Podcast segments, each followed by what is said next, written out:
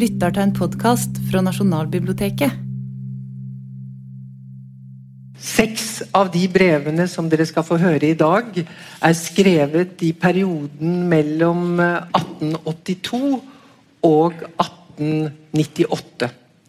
Og så er det tre brev til. Et fra 30-tallet, et fra 40-tallet, et fra 60-tallet. Men det er ikke hvilke som helst brev fra denne tiden, og det er helt spesielle personer som har skrevet det. Og Vi starter med et brev av Sigbjørn Obstfelder til Ingeborg Veke. Det ble skrevet i 1898. Og når han satte seg ned og skrev dette, så var det et dramatisk bakteppe.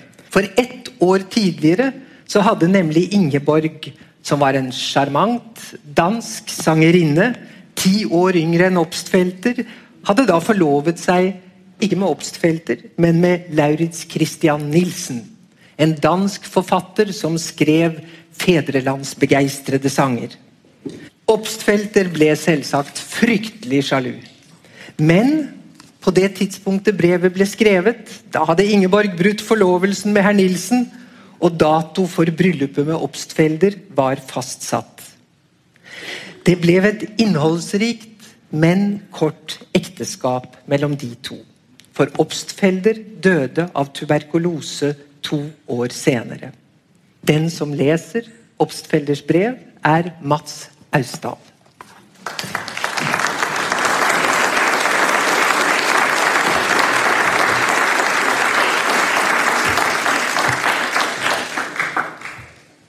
Kristiania, mars-april 1898, før påske.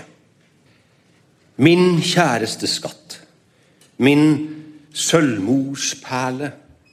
Jeg vil skrive for å si at jeg elsker deg.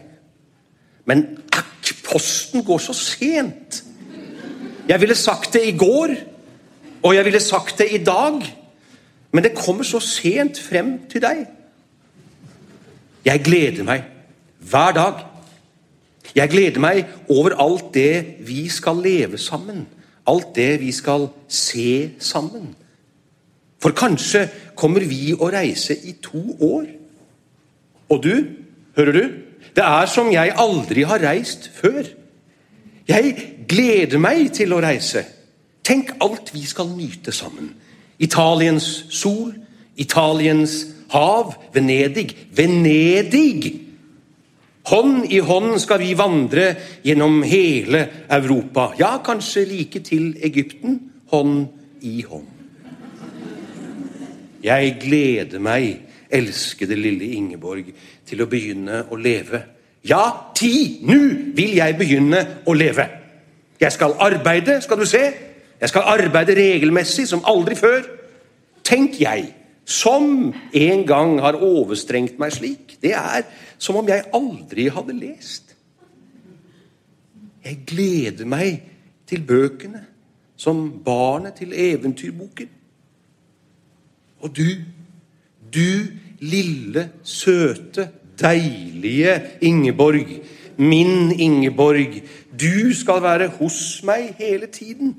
Og når jeg er trett av å lese og tenke, da skal du kysse meg. Og jeg skal ta deg på mine knær og stryke deg i håret. Og du skal se inn i mine øyne, se en underlig tankeverden som du kanskje ikke forstår. Men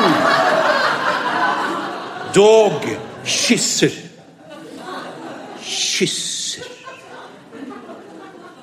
Bløtt, bløtt skal vi kysse hinanden. Sådan som vi lærte til slutt, kan du huske? Da vi satt i den Fredrik Bergs Allés restaurant, den med fonografene, da var der et kyss som var så deilig at ingen vin kan ha en sådan aroma.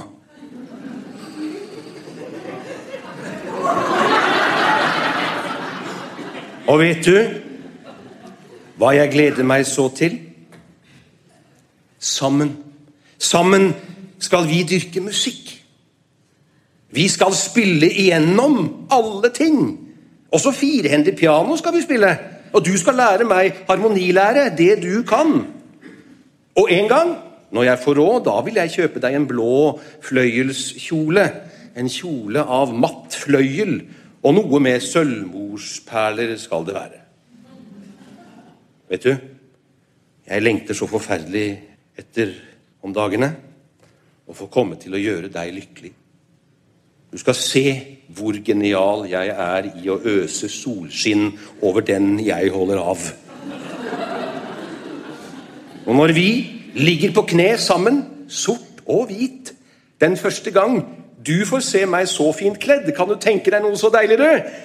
Tenk, du, da tror jeg dette øyeblikket kommer til å bli så meget herligere, større, renere for oss to, nettopp fordi vi har kjent hinanden sådan før. Vi kommer ikke dertil med noe av de urolige, flammende lyster.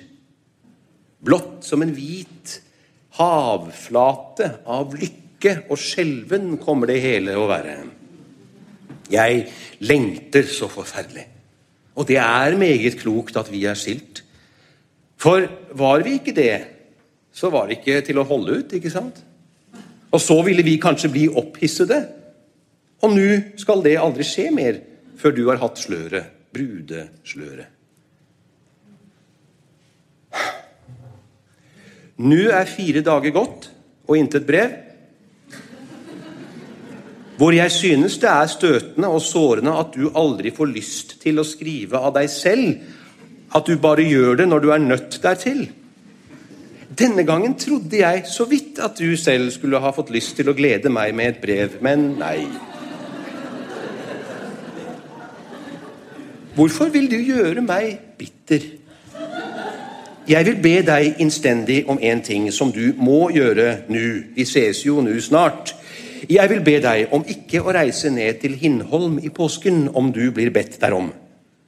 Jeg må jo anta at du selv, hvis du har spor av renhetsfølelse, vil sky å reise ned til det sted hvor så meget ondt og stygt og urent har hendt. Du må adlyde meg i dette. Au revoir, elskede. Jeg kysser deg. Jeg slår deg fordi du er ond mot meg. Jeg elsker deg og hater deg. Hvorfor vil du forhindre meg fra å skrive gode og deilige brev?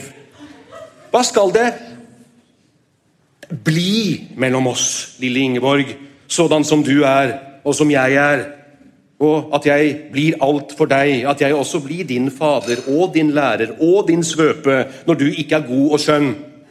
Sådan føler jeg at det vil bli og som en fader virkelig kan legge seg åndelig på kne for sine barn og be og trygle dem om ikke å nøde ham til å bli streng, således ber og trygler jeg med mine ømmeste ord, tving ikke den strenge mine frem i mitt ansikt. Bort, jag vredens slag i mitt hjerte. Lov meg det, Ingeborg. Lov meg det. La oss være ømme og gode mot hinanden denne vår korte forlovelsestid. Tidsnok vil du kunne lokke hårheten og voldsomheten frem hos meg. Farvel, da, så lenge. Min lille elskede pike, min deilige sjel. Italienerne har det smukke ord for skatt. Min sjel, anima mia. Du skal være her og sitte på mitt fang. Ja, det har jeg mest lyst til i dag, å holde deg på mitt fang og føle ditt ansikt smyge seg inn mot meg. Skriv straks, straks, og si at du elsker meg, elsker meg høyest av alt, alt i verden. Gjør det, din forelskede og trofaste gutt.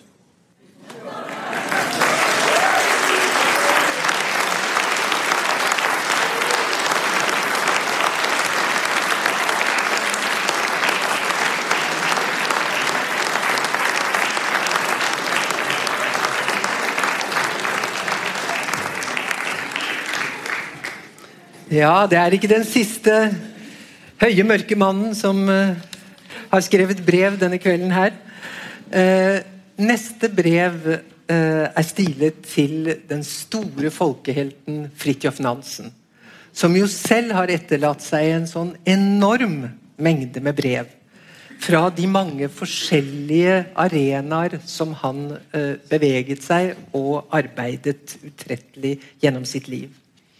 Det brevet som, nå, som vi nå skal høre, det er skrevet av eh, Fridtjof Nansens første kone, Eva Sars Nansen. Hun var 35 år da hun skrev dette brevet. Hun hadde nettopp født sitt første barn, Liv. Og hun var dypt frustrert og fortvilet over den nordpolsferd som Nansen skulle sette ut på eh, med det første. Siden Eva Sars ikke er så kjent i vår tid, så syns jeg det er viktig å nevne at hun slett ikke var noen liten blyg fiol. Som yngstebarn i familien Sars en familie som sto veldig sentralt i samfunnet på den tiden, både politisk og ikke minst på vitenskapsområdet, så fikk hun frie tøyler i sin barneoppdragelse, og hun var en sterk og selvstendig ung kvinne. Ikke minst var hun en av de første virkelig gode skiløpere, noe som selvfølgelig Nansen falt pladask for.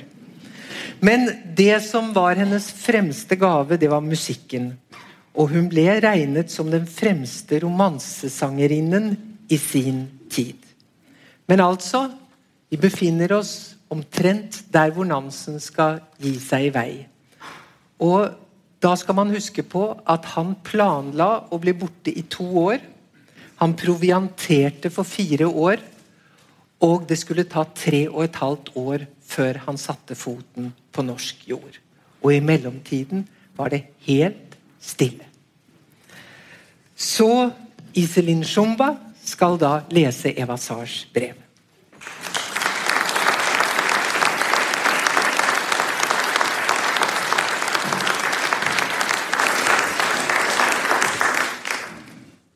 Fredag middag. Frognergate 8. Kjære, elskede, søte søte Fridtjofen min. Hvor god og søt du var som skrev til meg. Jeg fikk ditt brev straks jeg kom hjem til mor, og du kan tro jeg ble glad. Og så den leven du hadde for å få tak i blyanten. Du er nok glad i meg, du. Du deiligheten min. Det var fælt i går aftes. Jeg tror nesten jeg holdt på å besvime av sorg. Da du var gått, jeg gikk omkring i stuen som en tussing, mens tårene silte av meg, og jeg skalv over alle lemmer. Og så krøp jeg opp i den store, tomme sengen vår og tutet meg i søvn. Da jeg våknet i morges, var det litt bedre med meg, og jeg så tingene litt lysere an. Måneden går nå vel, den også. Gutten min. Hvor vi skal ha det deilig, da. Åh. Jeg skal bli så lykkelig. Så lykkelig. Når jeg igjen skal få trykke meg opp til deg og holde ditt kjære hode imellom hendene mine og snuse og slikke og klappe på det. Jeg elsker deg så skrekkelig. Jeg trives ikke hjemme hos mor mer. Det er visst stygt av meg, det. For de gleder seg slik, alle sammen, over å ha meg her. Men jeg Jeg bare tenker på det deilige hjemmet vårt, med du og jeg, ganske alene. Og så vekk med menneskene. Vekk med menneskene. Hvis jeg ikke får komme med til Nordpolen, dør jeg. Det følte jeg da du sa farvel til meg i går. Gråt du litt? Du også? Jeg synes jeg husker at det ble våtere i ansiktet mitt da du kom inntil. Du var så søt som skrev på grått papir tegn på din lengsel. Mens jeg sitter her og skriver, er det Grand ballade i neste værelse med Lotte og Andrea, ja. så det er ikke så enkelt å få samle tankene. Jeg skal skrive ofte. Det blir kanskje oftere enn du kan klare å få det lest. I morgen går jeg til Skjeldrup og viser meg fram. Tenk. Fru Skjøtt sier man må nesten ikke bevege seg de to første måneder etter slik en historie. Ja, Det hadde en tysk lege sagt. Av den grunn skulle jeg være nødt til å holde meg i ro hele februar uten å komme på ski. Er ikke det noe vrøvl? Nå spør jeg Skjeldrup. Lev vel, min Fridtjof-gutt. Og tenk ofte på meg, stakkars lille Eva-padde, som har sådan lyst til å kysse, kysse, kysse deg.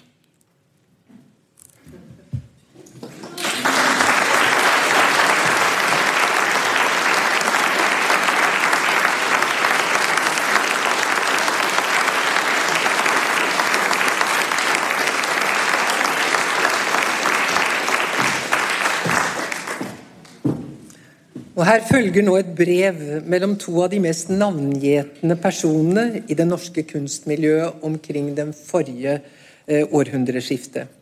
Det var en berømmelse som ikke kanskje først og fremst bygget på kunstneriske innsatser, men på eh, den posisjon og innflytelse de hadde på noen av datidens fremste kunstnere. Brevet er skrevet av den 36 år gamle Hans Jæger til Oda. Eh, Hans Jæger og Oda hadde hatt et trekantforhold med maleren og forfatteren Christian Krogh to år tidligere. Men da det ble avsluttet, giftet Oda seg med Christian Krogh. Og Jæger skrev den sterkt biografiske boken 'Syk kjærlighet'. Brevet utfolder seg nærmest som en samtale med seg selv. Og, som vi får høre, det er preget av stor selvmedlidenhet.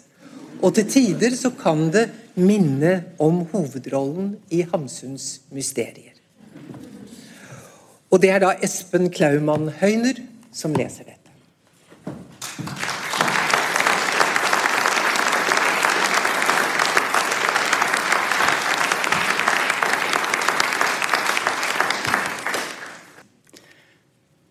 Kjære dem. Tro ikke jeg begynner sånn for en forms skyld. Jeg mener det virkelig. De er ennå, til tross for alt, det eneste mennesket på jorden jeg er glad i og har kjær. Om jeg arvet en formue i dag Jeg delte den straks i to og sendte dem halvparten. Som jeg ville delt mine tanker med dem om jeg hadde fått lov til å være hos dem. Og fikk jeg brev fra dem i dag om jeg ville komme dit hvor de var. Jeg pakket på stedet min koffert, om jeg hadde noen, og satt meg på en jernbane eller en dampbåt og ilte dit hen hvor de var, hvis jeg på noen måte kunne. Jeg ville vite med meg selv når jeg gjorde det. At et sånt brev fra dem bare var frukten av et øyeblikks stemning. At sannsynligvis ville jeg treffe dem i en helt annen stemning og bli tatt imot med, en, med et koldt, fremmed ansikt. Som undret til dem over hva jeg ville der hos dem. Men allikevel, selv med den utsikt for øyet å måtte reise igjen straks jeg var kommet, jeg dro allikevel av sted på flyvende flekken, så sant det på noen mulig måte var gjørlig. Men jeg tror ikke at det noensinne vil bli meg mulig mer. Selv om det falt dem inn å sende meg en sånn innbydelse en gang til. De 400 kroner jeg drev opp for å kunne være sammen med dem i sommer. En enorm sum for meg som lever av å tigge fra dag til dag. De 400 kroner var de siste blodsdråper som lot seg presse ut av de få mennesker som ennå bryr seg så vidt om meg og vil at jeg skal leve. Min stakkars fattige bror der borte i Kristiansand ble av meg plyndret for sin ferietur i sommer. En søster av meg fikk jeg til å oppdrive et lite lån å gi meg. Løvold presset jeg for det lille som det var mulig å få tynt ut av ham. Noen småsummer bedragte jeg meg til, og kjente og fremmede om hverandre slo seg for hvor små summer det skulle være, og resultatet ble de 400 kroner. Men størsteparten av dem gikk med til å ligge i Kristiania og vente. Og da jeg endelig, ved slutten av sommeren, fikk lov til å komme til dem, så gadd de ikke være sammen med meg. Ikke da, i alle fall. Men siden.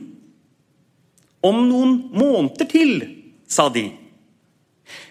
Jeg trodde jo ikke svært meget på den lyst de siden skulle få til å være sammen med meg igjen. Men jeg ville jo forsøke alt. Og så oppfant jeg Sørensen. Ham måtte jeg vente på en måned, og min gjeld steg i Grand Hotell fra dag til dag. Men jeg ventet. Så kom de til byen. De hadde avbrutt enhver forbindelse med meg imens. Hadde ikke skrevet til meg som de hadde sagt de ville. Ikke sendt meg det de hadde skrevet som de hadde lovt. Ikke skrevet noe nytt og sendt meg som de også hadde lovt. Ingenting. Og nå, da de kom, gadd de ikke snakke med meg heller. Mitt mot steg ikke ved det. Men så, en dag, da jeg hadde møtt dem fem ganger Huff, hvor jeg skvatt nervøst til side den femte gangen og skyndte meg videre. Jeg var plutselig kommet til å befinne meg ansikt til ansikt med dem. De kunne gjerne tro at jeg gikk hen og gjorde det ekspress, men så kom Krog løpende etter meg og skulle spørre meg fra dem om jeg ville komme opp til dere i aften. Jeg måtte i så fall ta Sivert med meg, for han også kunne ha eh, noen å snakke med mens jeg eh, snakket med dem. Eh, for han hadde ikke noen andre steder å gjøre av seg, stakkar. Jeg stusset et øyeblikk. Det var jo fullt opp av restaurasjoner han kunne sette seg inn på og tilbringe en aften. Og nå, da all forbindelse var brutt mellom dem og meg, så kunne vi ikke snakke sammen. Det visste jeg hvis han skulle være til stede. Men så tenkte jeg at dere hadde vel iallfall to værelser? Så kunne det kanskje gå likevel. Og så sa jeg ja. Jeg ville jo ikke la noen leilighet gå tapt. Og da jeg kom inn i det ene store, fæle værelset dere hadde, så skjønte jeg jo straks hvordan det ville gå. Og de satt dem også ganske riktig til å le hysterisk av den komiske situasjonen de hadde narret meg opp i. Og jeg satt der gjennomisnet og bare tenkte på hvor rart det var at de gadd more dem med slikt. Men de hadde altså ennå ikke tatt deres innbydelse tilbake. Jeg hadde fremdeles Sørensen i bakhånden, og alt, alt ville jeg prøve. Men så slo Sørensen klikk, og mitt mot forsvant. Eh, å slå penger til noe positivt som det, som det, gjelder, eh, noe man skal gjøre og som man tror på, all right. Jeg følte meg i stand til å gå fra pengemann til pengemann, frøken Thorvald Meyer og nedover hele Kristiania rundt når det gjelder noe sånt. Men å tigge sammen penger fra vill fremmede folk for å kunne reise etter et menneske som efter all sannsynlighet, når jeg kom, ville ønske meg pokker i vold igjen, det følte jeg at jeg orket ikke. Og så besluttet jeg meg å ta imot den almisse som Sørensen bød meg, og flykte fra Grang hit opp og se om jeg kunne oppdrive i alle fall det grann penger som skal til for å leve her. Som jeg så sitter der om aftenen oppe på mitt lille værelse i Grang sammen med Arendsen, en ung døgnikt, men en snill og hyggelig fyr som ikke syns det er mer enn én ting her i verden kjærlighet. Som jeg sitter der sammen med ham og finner fram de aller nødvendigste ting jeg må ha med meg, og gjør en liten pakke til dem, som jeg kan få smuglet ut av hotellet uten at det blir lagt merke til, så kommer det et brev. Det er fra dem, og jeg åpner det og leser. Da er det vel meningen at de ikke bryr dem om å være der hvor jeg er mer, ikke sant? Det går meg som et stikk gjennom hjertet. Dit var det altså at hun ville ha det. Det skulle være meg som ikke lenger ville være der hvor hun er, og ikke henne som ikke vil ha meg der. Ja, ja. Og jeg stakk nervøst brevet i lommen. Var det vondt? spør Arentsen deltakende. Å nei, det gjør ingenting. Hadde jeg fått i går, så da hadde det gjort forferdelig vondt. Men nå er jo allting slutt allikevel. Det kan være det samme alt sammen. Og jeg slår en hyssing om den lille pakken min og lister meg ut av hotellet. Tilbringer natten på en sofa i KF Dahls kontor og reiser så den neste morgen hit opp og sitter nå her og har oppgitt det hele. Siden jeg skjønner at de ikke bryr dem om meg, og ikke gidder å være sammen med meg. Ikke fordi jeg tror det forholder seg ganske sånn som de andre tror. Ja, men herregud, Hans jeger, sier de til meg, skjønner du enda ikke at de menneskene bryr seg faen om deg? At det bare var en snare de stillet opp? En felle de lokket deg inn i for å få de manuskriptene dine? Kjære, det har alle vi forstått hele tiden.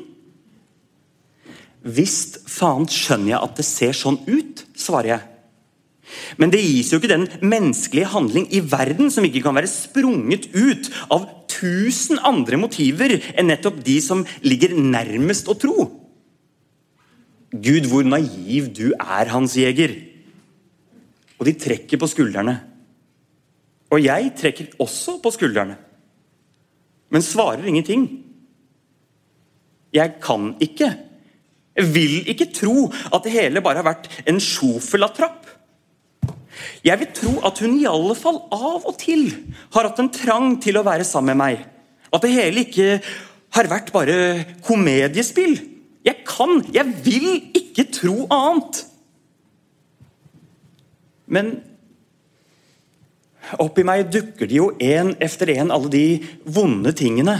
En hel, lang, vond kjede av ting som alle sammen ser avskyelige ut, og som jeg aldri har fått noen annen forklaring på. Ja, for kjære dem, de har gjort meg meget forferdelig meget ondt siden den tiden da de holdt opp å skrive at de bare hadde gjort meg vondt, og isteden derfor førte krigen over i fiendens leir og begynte å skrive at det var stygt av meg, sånn som jeg hadde vært imot dem på det siste. Forferdelig meget ondt har de gjort meg siden. Så meget ondt som det i det hele taget et menneske kan gjøre et annet.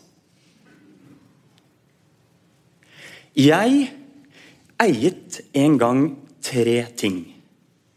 Det ene var min kjærlighet til dem. Den var uten grenser. Hver trevl i meg hørte dem til. Det annet var deres kjærlighet til meg. Om den kunne kalles så. Den var eh, ustadig og omskiftelig som vær og vann men den var der. Og det var nok for meg, arme djevel. Den minste plass i deres hjerte var jo himmelen for meg. Og så det tredje. Min bok. Mitt skrik. Hvor jeg ville tømme ut alle mine redsler. Jeg eiet de tre tingene, og så fattig jeg var følte jeg meg likevel rik ved dem. Men deres kjærlighet til meg, den falt dem for kostbar, syntes de. Den var dem for brysom, og så slo de den med koldt blod i hjel. De drepte det de følte for meg, og dermed alt det vi kunne levet sammen. Vi to, som sto hverandre så nær som to mennesker kan i verden. De drepte det uaktet. De trodde, de som jeg, at jeg aldri kunne stå det over. Drepte det med koldt blod alt sammen. og gjorde mitt liv til en øde fortvilelsens ørken. Drepte det for å få fred og komme til ro. De som var født og skapt til uro og bevegelse og kjærlighet, og ble ikke engang lykkelig ved det. Og så tok de fatt på min kjærlighet til dem. Seigpinte og deigpinte til både de og jeg trodde at nå, endelig, hadde de fått pint livet av den. Men så måtte de også ha det tredje, det siste, mitt eneste lam, min bok. Mitt skrik, mine lungers luft som gjorde at jeg ikke kvaltes av redsel. Men det kunne de ikke få hvis min kjærlighet var død.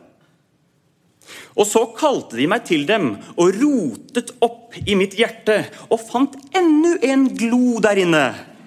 Den pustet de på, og en syk, gul flamme slo opp. Og jeg forsto at jeg var fortapt, og klamret meg bare inntil dem og skrek det ut. 'Jeg skal ikke! Jeg vil ikke!' Og så sank jeg gråtende ned for deres føtter og gråt det ut. Å, men vær litt snill med meg, for nå vet jeg ikke hva det skal bli av meg! Ja da, sa de. Siden. Og så gikk de og lot meg ligge der. Men dette siden, det kunne altså ikke bli. Selv om det var alvorlig ment av dem. Og nå sitter jeg her og har oppgitt det hele for godt. Og som en spott klinger de efter meg helt hit opp de ordene de skrev på den lappen jeg fikk fra dem i Grand Hotell. Hvorfor er de så forandret? Hvorfor kan de ikke være sånn som jeg likte dem før? Hvorfor sier de aldri mer noe av det som gjorde at jeg syntes de var morsomst av alle å snakke med? Når? Oda, når vil de jeg skulle kunnet være sånn som før? Når ville de jeg skulle kunnet snakke med dem sånn som da? Vel, ikke inne på det store, fæle værelset den aften. Eller kanskje nede i den fæle byen hvor jeg gikk omkring med hjertet snøret sammen av fortvilelse over at de ikke brydde dem det spor om meg. Gud, da jeg gikk der ved siden av dem, opp like ved den veien gjennom skogen og bare så og så på dem, og kunne ikke si et ord, for jeg var like ved å kveles hvert skiftende uttrykk i deres ansikt, hvert lite kast med deres stolte hode når de så bort på meg, hver minste bevegelse av deres arm, av deres hånd og deres fot, og hoftenes og ryggens og skuldrenes egne vuggen under deres vidunderlige gang.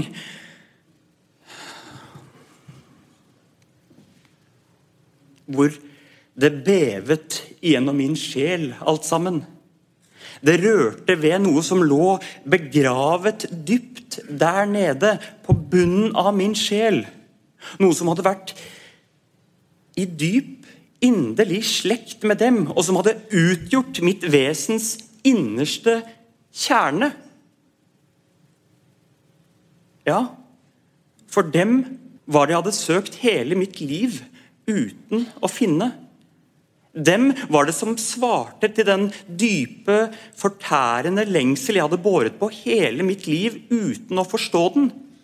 De var det alene som kunne fylle det savn som hadde pint og martret mitt hjerte i alle disse mangfoldige år og gjort meg til det ulykkelige mennesket jeg ble.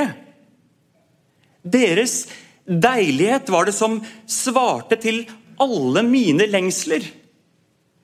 Deres egne vidunderlige deilighet som bare de eier i verden, og som vil forsvinne med dem som den er kommet med dem. Fordi den er dem. Og aldri mere skulle den lyse for meg, denne deilighet.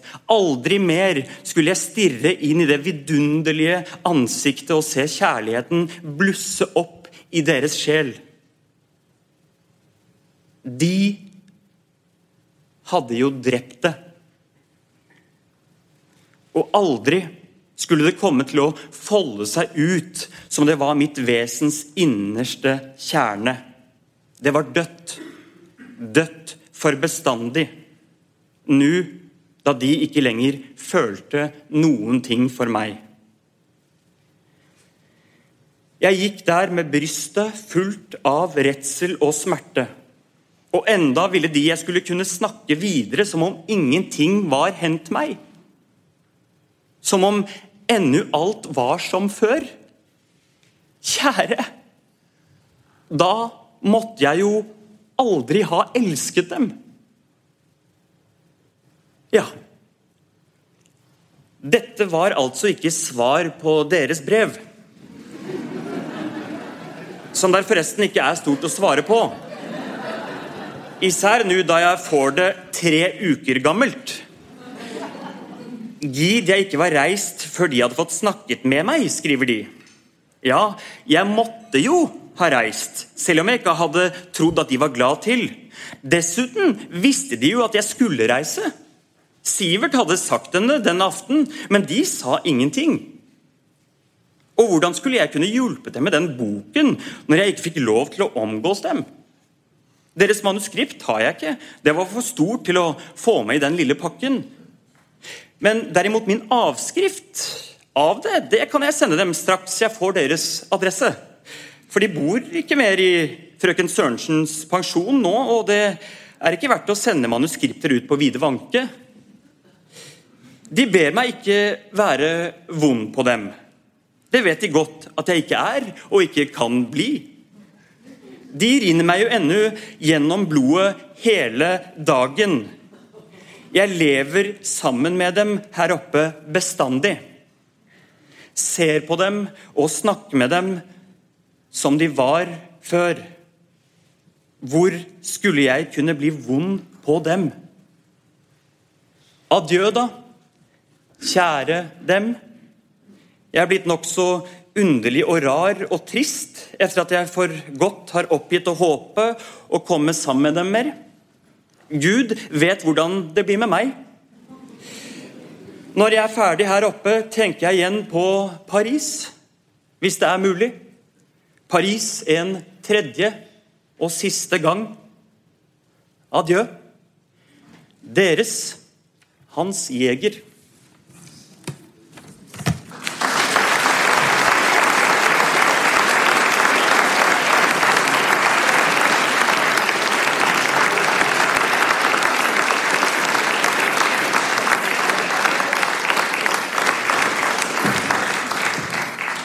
Ja, etter dette eneste kjente brev fra Hans Jæger til Oda Krog, så har vi nå kommet frem til enda et kunstnerpar som virkelig ruver i vår kulturhistorie, nemlig Hulda og Arne Garborg. De ble kjærester eh, sommeren 1887, og deretter gikk det fort. I september kunne man konstatere at Hulda var gravid. De giftet seg i desember, og dagen etter bryllupet så flyttet de til Kolbotn, hytta i Trysil. Og Der bodde de i ni år, som ble en kreativ fase i livene deres. Selv om Arne Garborg var mye på reise, og de sammen reiste ofte til Italia og Tyskland om vinteren. Og Hulda, hun ville bli forfatter. Hun arbeidet med språket, hun jobbet med å skrive og skrive. Og eh, nå skal dere få høre et eh, virkelig ærlig og ektefølt brev som hun skrev i januar, da hun gikk gravid. Og Her nevner hun en frøken K. Og Dette refererer seg til et rykte som spredte seg om at Garborg var i virkeligheten var forlovet med Kitty Kielland. Og det var selvfølgelig fryktelig for Hulda å sitte der oppe i Trysil mens mannen var i den store byen og få disse ryktene. Men Arne Garborg han benektet dette på det sterkeste. Men han sa Kitty Kielland hadde kanskje ønsket at det var sånn. Så Anne Marit Jacobsen leser.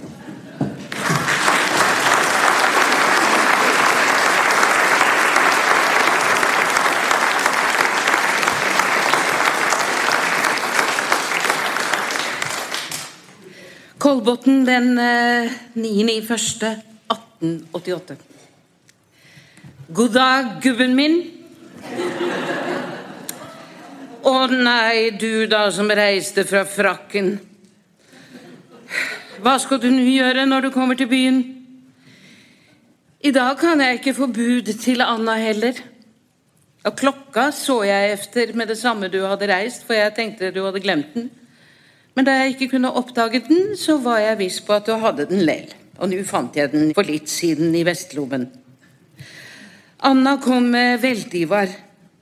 Men du kan tro, jeg sov ikke mye i natt likevel. Det var rent umulig for meg å legge meg trygt. Jeg syns hele tiden du skulle komme snart, ser du. Så i dag er jeg nokså trett og nervøs. Anna sto opp klokken syv og kokte kaffe. Så drakk jeg på sengen og la meg igjen når hun var gått. Og så holdt Sjapa og jeg riktig frokost klokken elleve.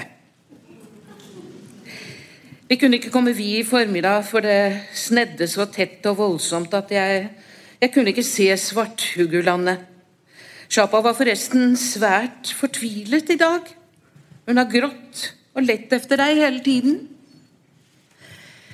Nå i eftermiddag er det klart igjen, og slik en himmel har det ikke vært her før. Jeg var nesten redd. Dagen har vært litt drug. Det kan ikke nektes. Men jeg føler meg ikke mer ensom her enn jeg gjorde i byen i sommer, da du var reist. Jeg blir meg slett ikke om at det skal komme noen fremmede her. Når ikke du er her, så vil jeg helst være alene. Du vet, jeg har nokså mye å stelle med og tenke på. Og så er det så hyggelig nå. Nå har jeg lagt på peisen, så det er varmt og lyst. Og så er det liksom noe av deg i allting her. Jeg har sådan en deilig følelse av å være hjemme. Jeg er forresten alltid glad og trygg nå, når bare du er i godt humør. Men ser jeg at du er motløs og trist, så er det ikke mulig for å klare meg. Da kommer den gamle historien igjen, som jeg har vært plaget av like fra jeg var liten. Det kommer over meg en sånn en følelse av ulykke, ensomhet og forlatthet at jeg ønsker jeg kunne dø med det samme. Jeg syns aldri jeg kan få grått nok. Jeg kunne gråte meg sunn. Jeg syns jeg må holde på å gråte og gråte og bare gråte så lenge jeg lever. Fordi det er ingen som bryr seg om meg. Jeg er så rent til over. Det må vel være en slags nervøsitet, det også. Det kan komme så lite ofte. F.eks. nå inne i byen da du var så mye ute med frøken K. Og du kan ikke tenke deg hvor vondt jeg hadde det mange ganger. Jeg visste det var dumt av meg, og jeg visste jeg hadde ingen grunn til det, men jeg var virkelig fornærmet på deg også ofte, og ikke bare på henne. Og jeg var så sår at jeg turte ikke å tenke på det uten at jeg måtte storgråte. Jeg bebreidet meg det alltid etterpå, for jeg visste jo at hun var glad i deg. Og jeg visste hvordan hun måtte ha det. Fra meg selv i fjor, da alle mennesker gikk og fortalte meg at du var forlovet med henne. Jeg vet at jeg ønsker ofte at jeg måtte bli gal, for da slapp jeg gå og holde meg stiv og smilende når jeg var så ødelagt og trett av vonde tanker at jeg kunne stupe hvert øyeblikk og til slutt ikke visste noe annet råd enn å drikke noe når det ble for fælt. Men det hjalp ikke at jeg syntes synd på henne. Jeg tålte det ikke. Men Jeg tenkte at du skulle nå aldri få vite hvor dumt jeg hadde tatt det der. Jeg skammet meg alltid fælt når jeg var fornuftig, for jeg har jo alltid ment at det ville være latterlig og dumt om man ikke kunne Og ikke uten noe vrøvl kunne, kunne være sammen med andre mennesker om man er gift. Det må ikke være noe som ligner tvang. Det er da rasende dumt i alle måter. Samvær av tvang er jo så rent verdiløst. Men nå kan du gjerne vite hvor dum jeg er lell. Og så kan du være litt sint på meg nå mens du er borte. Det får ikke hjelpe. Du har jo sett at jeg har vært i dårlig humør somme tider, og da vil jeg i grunnen alltid så inderlig gjerne fortelle deg hvorfor. Men det er som om jeg var muret igjen. Hvis jeg forsøker å snakke da, så tuter jeg bare. Uff. Det er en ulykke ikke at kunne snakke. Men siden jeg nå har begynt at skrifte, så kan jeg gjerne fortelle deg den andre tingen også som har plaget, og som er like så dumt som det annet.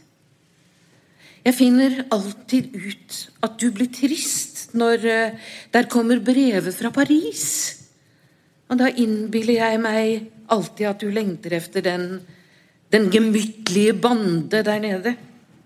At du føler deg ufri og stengt her hjemme nå. Og især syns jeg det er ett navn du ikke tåler at se uten å bli mørk og nervøs. Ja, nå skal du forsøke å sette deg inn i hvordan dette tar seg ut for meg.